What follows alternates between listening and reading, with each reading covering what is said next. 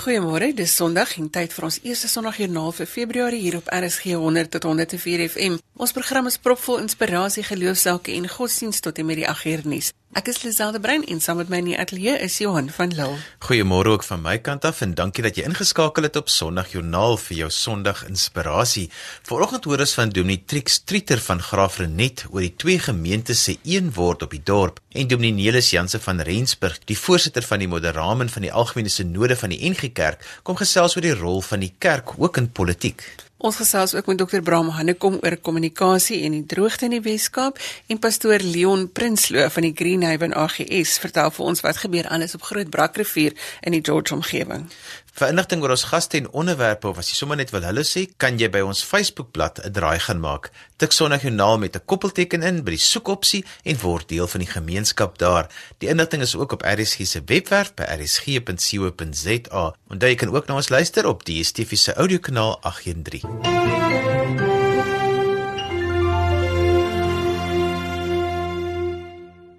In Graafrenet het twee NG Kerke met mekaar in gesprek getree en is 'n baie ou strydpyl begrawe met 'n baie baie mooi uitkoms. En om ons meer hieroor te vertel, gesels ons met Dominee Trieter. Goeiemôre Dominee.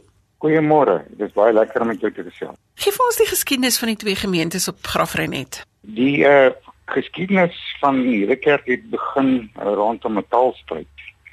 uh, Sekere Dominee JF Medee van die moedergemeente het uh, Afrikaans as kanseltaal gebruik.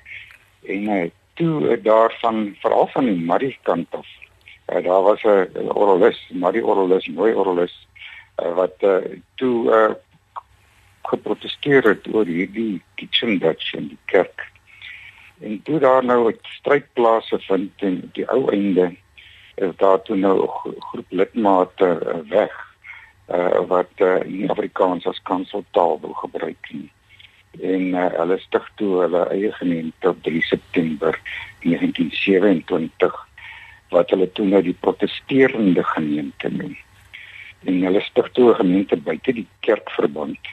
Uh, en uh, die uh, hierdie kerk is toe in die kerkverband eers opgeneem in, in 1928 toe die Oos-Kaapse sinode besluit het om hulle weer terug te neem na die kerkverband toe.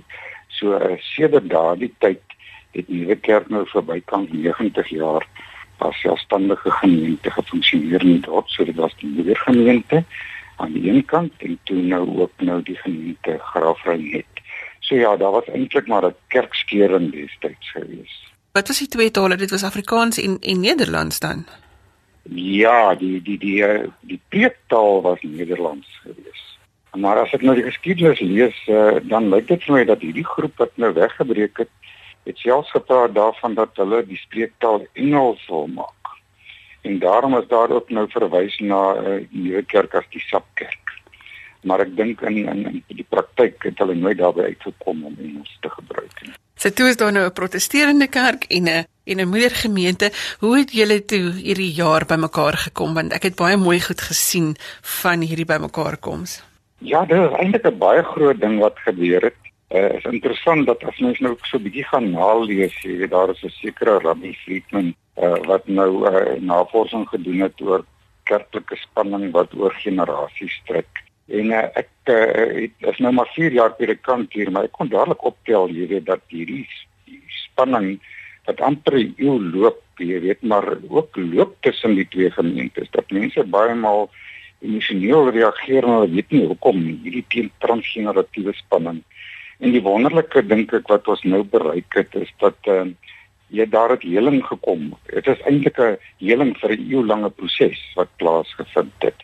En hoe dit gekom het is dat uh, daar 'n vakature ontstaan by by by Groot Kerk of uh, die moedergemeente en toe het ons as 'n nuwe kerk besluit 2 jaar gelede om hulle te nader om te kyk na die proses van eenwording.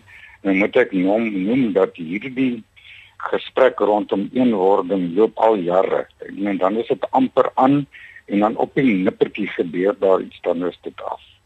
Uh so ons het besluit om nog 'n keer te probeer en toe het ons met groot kerk ooreenstemming bereik dat uh, ons gaan begin met 'n proses.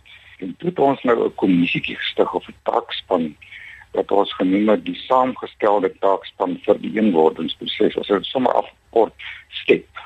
En uh toe ons begin met die gesprek. Dit was 'n 2 jaar lange gesprek en onderhandeling gewees. Ek moet sê dat die vergaderings was partymal nogal warm geweest. Daar was meningsverskille. Die groot meningsverskil het basies gegaan oor die kerklike model. Die ding is dat uh, uh een gemeente dan nou kom ons sê ontbind en deel word van 'n ander gemeente wat die groot kerkmense graag wou gehad het. En die ander model is dat nuwe kerke voorstanders al twee gemeentes ontbind en vorm 'n nuwe gemeente. En daaroor het ons vir 'n hele rukkie met mekaar koppe gestamp. En toe op 'n stadium met ek as leraar het ek net besef maar uh, ons is besig met doelwitte te bereik. En net ek 'n week afgesonder en met die Here gaan praat daaroor en hy het dit op my hart gelê om met die kerkraad te gaan kommunikeer by 'n spesiale kerkraadsvergadering dat uh, ons het destyds weggebreek en die die gemeente wat weggebreek het het weer terugstig na die moedergemeente. Of die kind wat die huis verlaat het het weer terugkom huis toe. En dit is die wonderlike toe dit by die kerkraadsvergadering dien het die hele nuwe kerkraad eenparig besluit om terug te stig na die moedergemeente toe ons het dit toe so oorgedra na die nedergemeente toe en dadelik is daar net 'n oop deur gevind. Ek meen dit was net wonderlik van daar af was dit net 'n ander gesindheid en kon ons saamwerk om dan op jou in gemeente te word. Dit is my ongelooflike storie van mense wat net eenvoudig deurdruk en met mekaar kommunikeer wat 'n strydbou begrawe. Ons sien so baie in die lewe dat dit gebeur, selfs net in gewone verhoudings gebeur dit dat ons net eenvoudig nie met mekaar wil praat nie as gevolg van jou eie ego of wat ook al daarmee aangaan en jy het so 'n mooi ding gedoen. Wat is die groot lesse wat jy hieruit geleer het? Die een groot les wat ons daaruit geleer het is dat uh, God het sy tyd. En uh, ek dink dit is eintlik dit is eintlik 'n goddelike genesingsproses.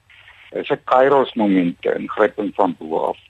En ek dink ware versoening tussen mense kan nooit werklik plaasvind as die Here nie heling binne mense se harte nie. So ek dink werklik waar ook dat uh, ek dink die Here is baie belangrik daar waar mense mekaar moet vind. En ek dink die tweede is en dit is wat uh, ons ook as nuwe kerk besef het, is dat 'n mens moet bereid wees om die minste te wees.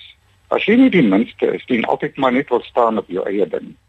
Dan gaan daar nooit versoening plaasvind nie. En ek dink dit is wat plaasvind het ook van nuwe kerk se kant af. Ons het absoluut besluit dat hierdie koninkryksperspektief van hierdie groot prentjie is eintlik baie belangriker as ons eintlike kleinlike menslike agendas. En ek dink dit is ook baie belangrik dat dat mense baie maal as hulle mekaar wil vind, moet hulle ook maar basies hulle eie belange kruisig en die groter prentjie raak sien. Demi baie dankie dat jy so 'n stukkie van jou lewe waarop met ons gedeel het. Sterkte met die eenwording en uh, ons sien uit om te hoor wat gebeur daarop Graafry net met die een groot gemeente. Dankie vir die saamgesels. Baie dankie. Nee, dankie vir die voorreg dat ek dit kon doen. Dis die stem daarvan die trieter van Graafry net. Miskien is dit tyd dat daar meer strydbuile begrawe word sodat mense bymekaar kan uitkom. Goeiemôre as jy sopas ingeskakel het. Jy luister na Sondagjoernaal en ons gesels geloof en godsdiens hier op RSG 100 tot 104 FM. Dankie vir julle saamgesels op die SMS lyn by 45770 en jy weet dat elke SMS jou R1.50 gaan kos. Ons staan aan die begin van 'n nuwe maand. Miskien moet ons jou herinner om al die geleenthede raak te sien en die meeste daarvan te maak. Dominee Martin Swart het ons verlede week herinner om elke seisoen te soek na jou doel vir hierdie spesifieke dag.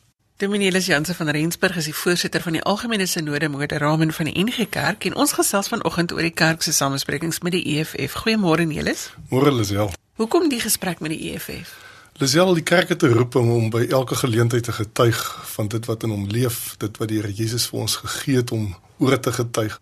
En as Algemene sinode is ons verantwoordelik. Dis een van ons opgawes is dat ons 'n publieke getuienis moet lewer nasionaal, internasionaal. En die politieke partye is belangrike rolspelers in ons land en ons praat met almal van hulle. Ons het tree in gesprek met hulle en daarom was hierdie 'n uiters belangrike geleentheid. Eh, daar's 'n groot gaping in ons samelewing, daar's polariteite in ons samelewing en vir ons is dit baie belangrik om 'n middelgrond te vestig te in te neem, te versterk waarin ons die welwillendheid van Suid-Afrikaners, ehm um, die Christelike welwillendheid uh, bevorder versterk. So daar was by ons geen twyfel dat hulle 'n belangrike rolspeler is om mee te praat nie en uh, ons het die geleentheid uh, gesoek en aangegryp toe dit gekom het. EFF gesprek het aan die nuus gehaal, maar dit is nie die enigste mense met wie hulle praat nie en dis hoekom ek so baie graag met jou hieroor wou gesels. Nee, verseker is dit die enigste mense nie. Ons het maandag 'n gesprek gehad met Solidariteit.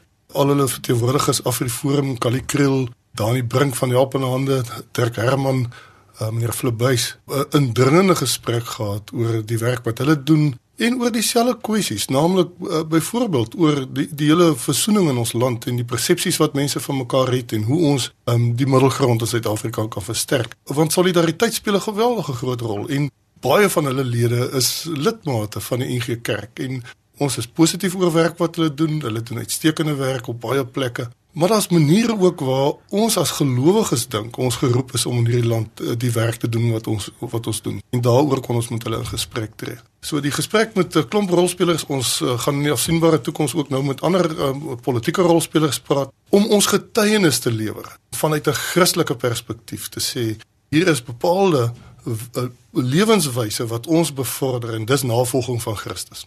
So as jy nou die vertrek instap, soos Johan altyd sê, so toe kom jy nou daarin. Wat is die gesprek wat plaasvind? Waar begin 'n mens? Wel, ons het uh, die EFF genader met die oog op die gesprek en uh, ons het 'n uh, uitstekende ontvangs daar gehad uh, van hulle lede. Ek, ek het nou nie almal gekontroleer nie, maar 'n klomp van die mense wat ons gesien het, is uitgesproke Christene, so dis maklik om met die mense te praat. As daar 'n uh, verstandhouding is, baie keer is dit mos nog net baie makliker. Um, hulle het ons uitstekend ontvang en Ehm um, ons kon met hulle oor drie sake veral praat. Die en ons het dit op die tafel gesit. Die eerste was ehm um, versoening en ons kon praat oor rasisme in Suid-Afrika en hoe rasisme aangevuur word in Suid-Afrika. Ons hoor by baie van ons lidmate dat hulle swaar kry in hulle werkplekke, dat hulle dikwels hulle werkomgewing as rassisties beleef en dat hulle dikwels slagoffers daarvan is. Ons kan dit sê. Ons hoor ook dat daar baie van ons mense is wat geweldig rassisties nog steeds dink langs rasselyne. Ons sien dit op sosiale media. Selfs die reaksie op ons besoek aan die EFF het aangedui dat daar mense is wat uh, op die sosiale media wat eintlik bevestig die goed wat die EFF dikwels sê dat mense wat lidmate is van ons kerk of deel van die bevolking dat daar sterk rasisme is. So ons het dit aangespreek. Ons het gepraat in die tweede plek oor um, ekonomiese hervorming en ons het veral gepraat oor onderwys, hoër onderwys, uh, toegang tot onderwys, die kwaliteit van onderwys en die belangrikheid daarvan. En in die derde plek het ons gepraat oor grondhervorming. En in daai gesprek het ons eintlik baie belangrike goed vir mekaar gesê want baie van die landbouers in Suid-Afrika is lidmate van die NG Kerk.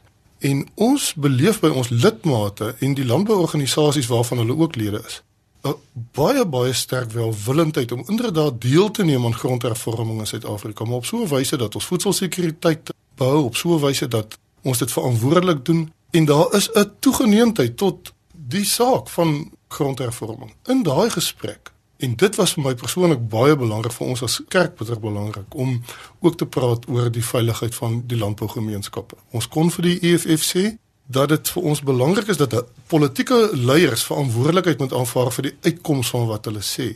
As jy byvoorbeeld 'n uitspraak maak as politieke leier en jy sê um remove the farmers from the farms, bedoel jy dalk nie dat dit gewelddadig moet ge gebeur nie.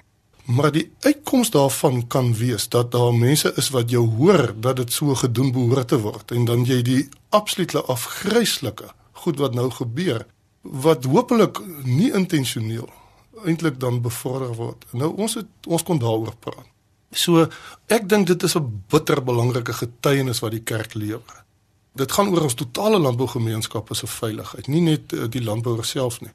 En ons kon daaroor praat. Die interessante daarvan is is dat uh, daar 'n absolute welwillendheid in hierdie gesprek was. Nou uit die aard van die saak, ehm um, mens maak nie te veel afleidings uit die soort uh, van reaksies uit nie, behalwe dat jy weet hier is 'n oop deur vir gesprek en dat ons ook ingenooi is om in verdere gesprekke deel te neem en insette te maak. Ehm um, so uh, ons dink daar's vir ons belangrike deure oopgemaak en ons dink dit was baie betekenisvol.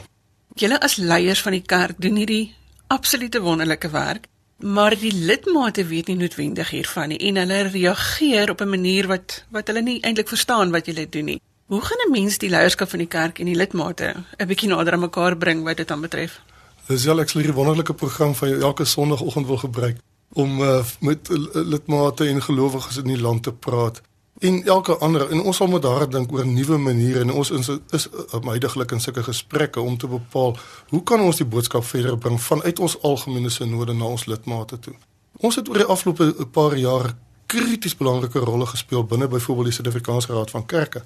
En ons getuienis teenoor die staat was um, binne daai kring het soveel gesag gehad en soveel welwillendheid gehad vanuit die ander kerke saam met hulle. Ehm um, sodat ons inderwaarheid teenoor die staat baie belangrike posisie kon inneem. Ons lidmate weet nie dit noodwendig nie en hulle sal vra en ons hoor dikwels die versoek hoekom tree die kerk nie meer, jy weet, sterker na vore in publieke kwessies en lewer 'n sterker getuienis nie. Ons doen inderdaad wat ons kan doen binne gegeewe strukture en ons doen dit dink ek effektief.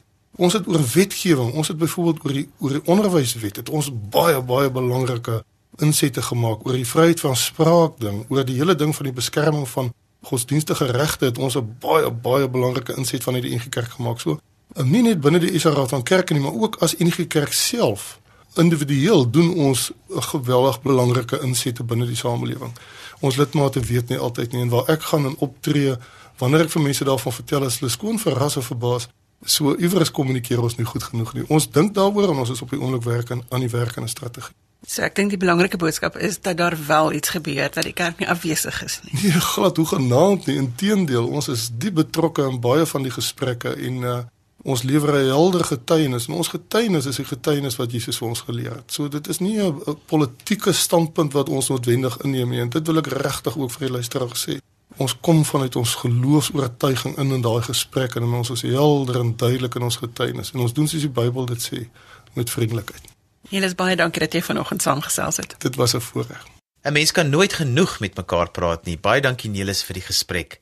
Jy's ingeskakel op Sondagjoernaal en ons gesels met mense oor hulle belewenis van godsdiens en geloof. Dr. Braam, hy kom ons van die Sentrum vir Publieke Getuienis en ons gesels vanoggend oor die belangrikheid van kommunikasie. Môre Braam en dankie dat jy saamgesels vanoggend. Goeiemôre Lisel.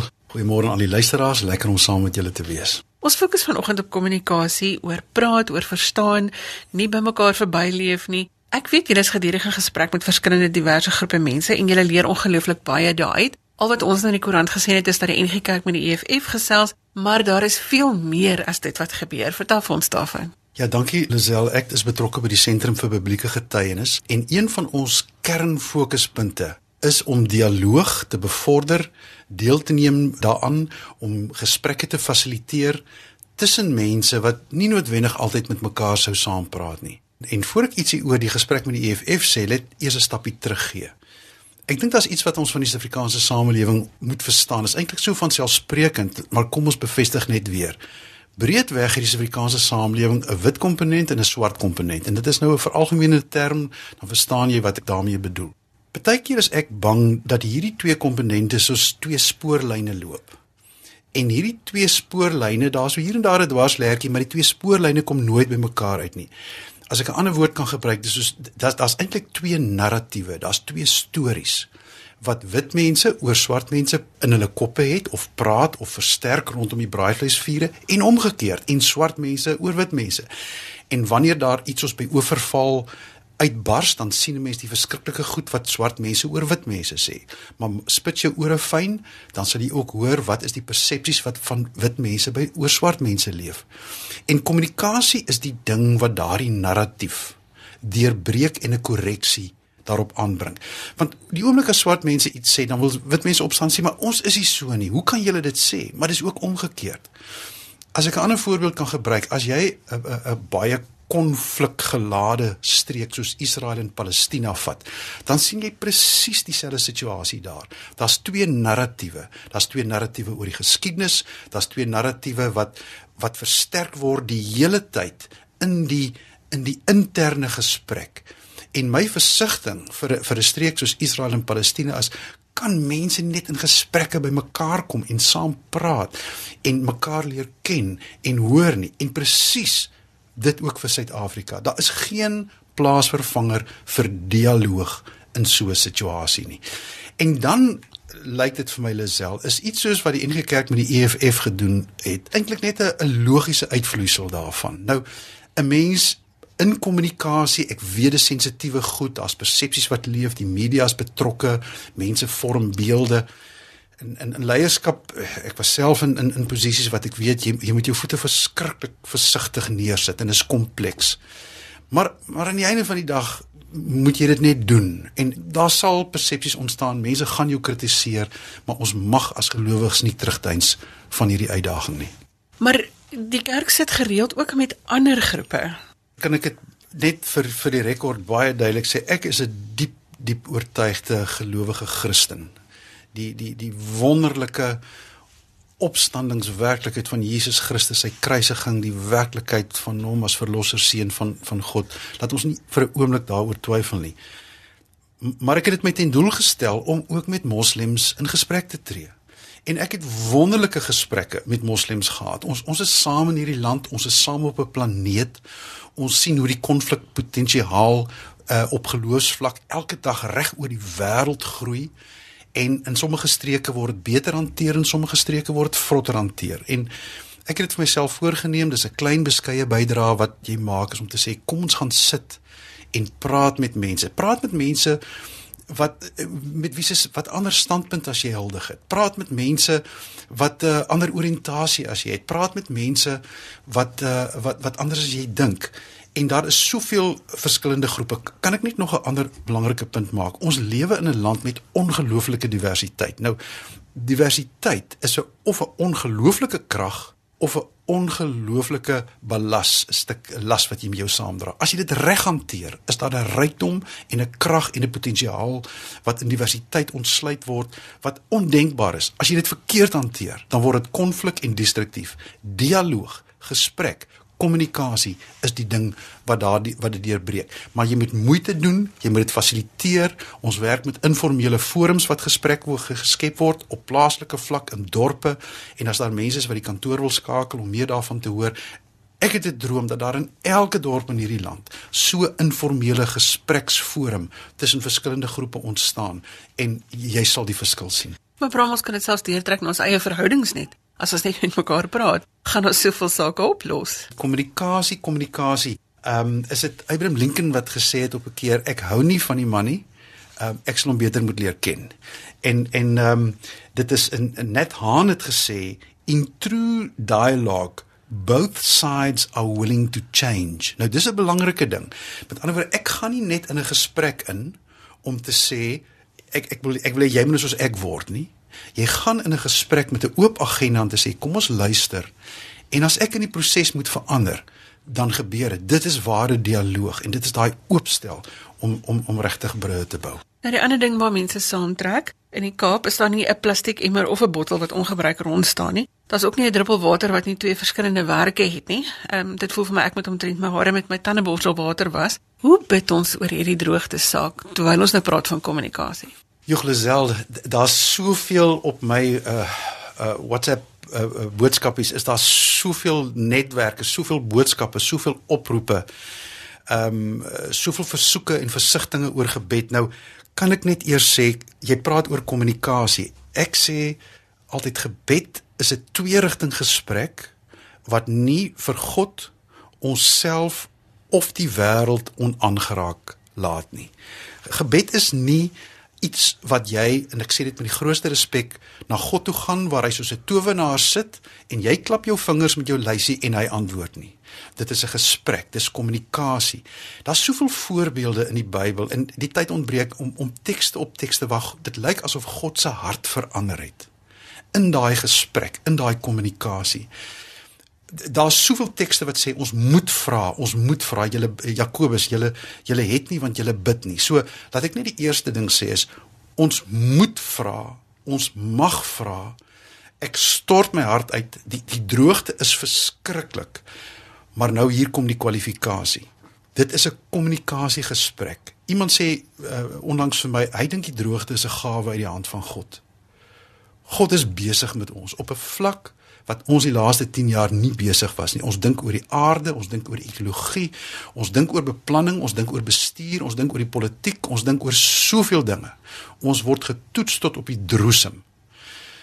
Kan ek 'n net 'n laaste opmerking hieroor maak? Ek bid vir reën, maar jy, ons kan nie net vir reën bid nie, Lisel. Dit is baie duidelik. Al die al die syfers is op die tafel. Kaapstad se bevolking het verdubbel, maar die stoorkapasiteit het nie verdubbel nie. Die die uh industrie het vermeerder. Daar was nie goeie beplanning. As as die Here net met ons gebedsversoeke 'n uh, Kaapstad se probleem wil oplos, dan moet Kaapstad môre in 'n subtropiese streek verander. Dit is nie, dis 'n mediterrane streek hoogstens. So ons kan nie net vir reën bid nie. Ons moet ook bid vir goeie beplanning, vir goeie wysheid, vir aktiewe optrede en ek smag op hierdie stadium na leiding van ons leierskap wat vir ons sal sê ja, ek moet 25 of 50 liter of wat ook al die die stem is, ek moet dit gebruik op 'n dag en ek is heeltemal bereid om daarbey in te val. Maar sê vir my, wat is die langtermynbeplanning? Wat is die aksie? Ek hoor niks daarvan nie en dit is die ding wat mense in angstigheid laat en vrees laat. So kom ons bid. Ja, kom ons bid dat die Here vir ons reën sal gee. Dit is vir my verskriklik erg as as ek sien hoe die plante wegsterf van die dors. Uh maar kom ons bid ook vir wysheid, vir aksie, vir beplanning. Ek glo die Here wil ons daarmee help, maar die gebed is baie meer as net 'n vingerklap vir reën. Bram, ek wens ons het baie meer tyd gehad vir hierdie gesprek. Baie dankie dat jy vanoggend jou perspektief met ons gedeel het. Baie dankie Lisel, altyd lekker saam met julle. Dis die stem daarvan Dr. Braam Hannekom. Jy luister na Sondagjoernaal vir die wat sopas by ons aangesluit het. Ons gesels met mense oor geloof. Volgens aan die woord en daarmee sluit ons ook vandag af is pastoor Leon Prinsloo. Pastoor Leon Prinsloo van die AGS Groot Brakrivier naby George werk lank reeds in hierdie gemeenskap met die spesifieke doel om die gemeenskap op te hef. Goeiemôre pastoor. Goeiemôre Lisel en goeiemôre aan die pragtige luisteraars van RSG. Vertel ons van die gemeenskap waarin jy werk. As ek reg verstaan, was dit redelik besaai met bendes en dwelms en dinge. Ja, ons het uh, 20 jaar gelede het Dr. Isak Burger, die destydse uh, president van die AGS vir my gevra of ek en my vrou dit wil oorweeg om in Grootbrak te kom werk omdat die misdaad so hoog was, jy weet. En ons het toe die uitdaging aanvaar en ons het gekom met die hulp van die Here, het baie dingetjies reggekom want die evangelie het die die misdaad afgebring en, en ons is baie dankbaar vir die Here vir die werk wat ons hier kan doen en vir die mense kan help baie uh, uh, uh mense het verlos geraak van die dwelm bendes het tot bekering gekom en van daai manne is vandag mense wat hulle voorberei vir die bediening om te help in die gemeenskappe. Sou dit nou my vraag beantwoord as ek vra watter invloed julle teenwoordigheid op die gemeenskap gehad het? Ja, kyk wat gebeur het is dat ons het van huis tot huis gegaan en ons het openlik dienste gehou. Ons uh, het tentdienste gehou om om die mense te help, maar ons het ook in hulle huise ingegaan en gaan gesels met die mense en uh, een ding wat ek uitgevind het Lisel en luisteraars is dat die liefde van God dringe mens en as jy vir mense liefhet wat vasgevang is in dwelms en al daai probleme, dan help jy eintlik daai mense, maar jy moet 'n liefde vir daai mense hê. Pastoor, wat is die belangrikheid van die rol van kommunikasie? Jy het nou gesê jy het nou by hulle huise ingegaan. Hoe benader 'n mens so 'n situasie? Hoe dra 'n mens die evangelie oor of die die boodskap van liefde oor aan iemand wat eerder eh, sal wil fokus op dwelms? Ja, kyk kyk baie van die mense is mos nou vasgevang in die drad, soos byvoorbeeld die tik en die dagga en die mandrats en almal daai mense is in daai goed vasgevang en drankmisbruik is vasgevang Ek dink wat wat wat ons as evangeliedienaars doen is dat 'n mens moet gaan tot op die vlak van daai mense. Vir daai mense laat verstaan dat die liefde van die Here is groter as die probleem wat hy het. En en en en net vir hulle liefde gee, nader aan hulle kom en op die plek gaan daar wat hulle is, wat hulle in daai probleme nou op die oomblik is. Julle werk weier as net die woonbuurte. Julle werk ook op plase as ek dit reg verstaan.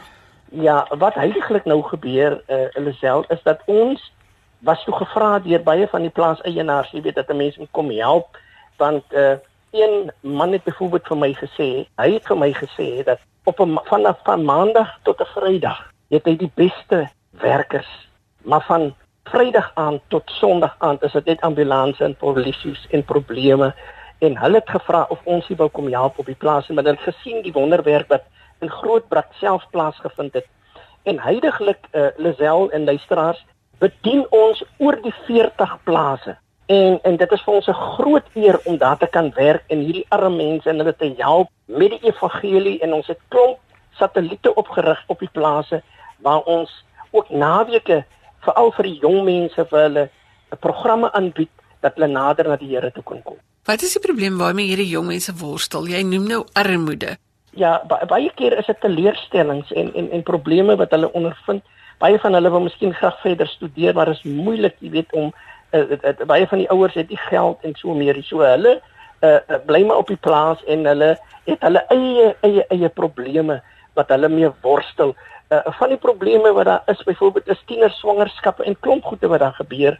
Jy weet so, ons is nie daar, ons mag nie mense afskryf nie, want God het die, die wêreld so liefgehad volgens Johannes 16. Het hy die wêreld so liefgehad 3:16 dat dat hy die wêreld so liefgehad dat ons moet uitreik dat hy mense veral uh, hulle in hulle nood. Pastoor, as jy nou terugkyk op die werk wat jy doen, het jy hoop vir die toekoms in omgewings waar daar baie bende geweld is. Ek wil vandag ander mense bemoedig, ander kinders van die Here bemoedig wat ver oggend inluister en sê omdat die Here aan ons kant is, is daar hoop. Want as God vir ons is, wie kan teen ons wees? Ons weet daar is in die stede en baie dorpe is daar 'n bende geweld en en wat God hier in Grootbrak in omgewing gedoen het, kan die Here ook vir hulle doen. Ons is werklik dankbaar dat ons daar kan werk op die plase. Das ek ek doen dit nie alleen nie van die mense wat ons nou hulle harte vir die Here gegee het. Het hulle bekwam as pastore. Hulle was by uh, colleges en hulle het hulle self bekwam en weet jy wat van daai mense help nou vir ons op die plase. Uh, ek het so baie hoop van hulle werk nou op die oomblik in die gevangenis in George, Mosselbaai en Oudtshoorn gaan help hulle die mense. So ek het baie hoop. Ek het baie hoop vir die toekoms vir almal van ons en vir Suid-Afrika. Pastoor en vir jou eie geloofsontwikkeling, wat het dit vir jou beteken om in daardie area te kan werk? Wel, dit was 'n uitdaging in die begin, maar die Here het my regtig genade gegee. Ons is nou, ek is so opgewonde, ons bou nou die kerk groter om die van daai van daai mense te huisves. Uh ons ons ons is ook besig om om mense mos nou hulle jy moet hulle aanry ook na die kerk toe want ek meen uh, hulle bly baie ver van hulle bly tot 10 12 km van die kerk af, jy weet. Nou, o, maar ons bid dat die Here vir ons gaan onderneem en vir ons gaan voorsien. En ek is my geloof is baie versterk met wat ek sien wat die Here gedoen het. Pastor, baie dankie dat jy 'n stukkie van julle lewe wêreld vanoggend met ons gedeel het. Ja, en ek wil vir jou Lisel en vir julle span baie baie dankie sê dat julle ons genader het en dat ons bevoorreg is om bietjie te kan getuig van wat die Here hier in hierdie pragtige groot rivier in omgewing doen. God seën vir julle. Lisel was in gesprek met pastoor Leon Prinsloo. Jy kan hom gerus kontak by 082 458 5430 en ek herhaal dit gou weer 082 458 5430 En onthou jy kan hierdie inligting ook op RSG se webwerf kry. So gaan net na www.rsg.co.za. Kyk uit vir Sondagjoernaal en al die inligting van vandag se gaste en hierdie kontaknommer sal jy maklik daar kry. En daarmee het ons aan die einde van vandag se program gekom. Onthou jy kan weer vir ons pot gooi by RSG se webwerf by rsg.co.za. Volgende Sondag is ons weer hier op dieselfde tyd met nuwe stories uit die wêreld van geloof en godsdiens. Stuur gerus vir my 'n e e-pos as jy 'n storie met ons wil deel. My e-posadres is lizel l i z e e by www.media.co.za. Ons gaste vanoggend was Dimitrix Trieter van Graafrenet, Dominielis Janse van Rensburg, die voorsitter van die Moderamen van die Algemene Sinode van die NG Kerk, Dr. Bram Hannekom van die Sentrum van Publieke Getuienis en pastoor Leon Prinsloo van die AGS gemeente Greenhaven in Groot Brakrivier met die mooi werk wat hulle daar doen. Volgende Sondag is ons terug, maar tot dan sê ek eers totsiens.